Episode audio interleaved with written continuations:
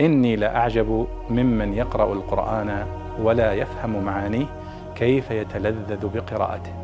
كيف يتلذذ بقراءته.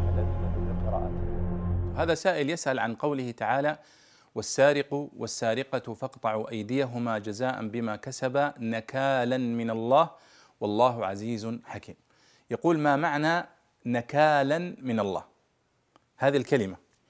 فالنكال هو العقوبة الرادعة التي تردع المعتدي وتردع غيره. فالنكال إذن هو ما كان فيه ردع للجاني نفسه للسارق ولمن يرغب أو يريد أو تسول له نفسه أن يفعل مثل هذا الفعل فإنه يرتدع إذا رأى هذه العقوبة.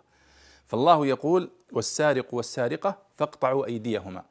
أي إذا سرق الإنسان أو سرقت المرأة فإنه يقطع تقطع يده أو أو تقطع يدها آه، إذا سرقت آه، النصاب وتوفرت فيها أو توفر فيه الشروط.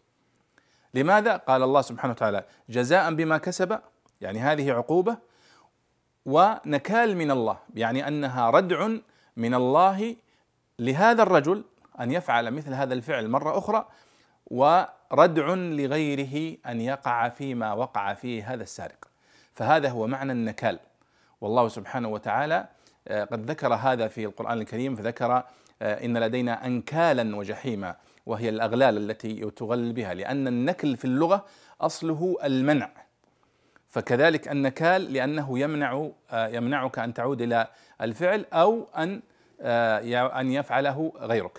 وكذلك الأنكال لأنها تمنع الإنسان وتقيد يده. فإذا هذا هو معنى النكال هو العقوبة الرادعة التي تردع المرء وتجعل غيره يرتدع أيضا.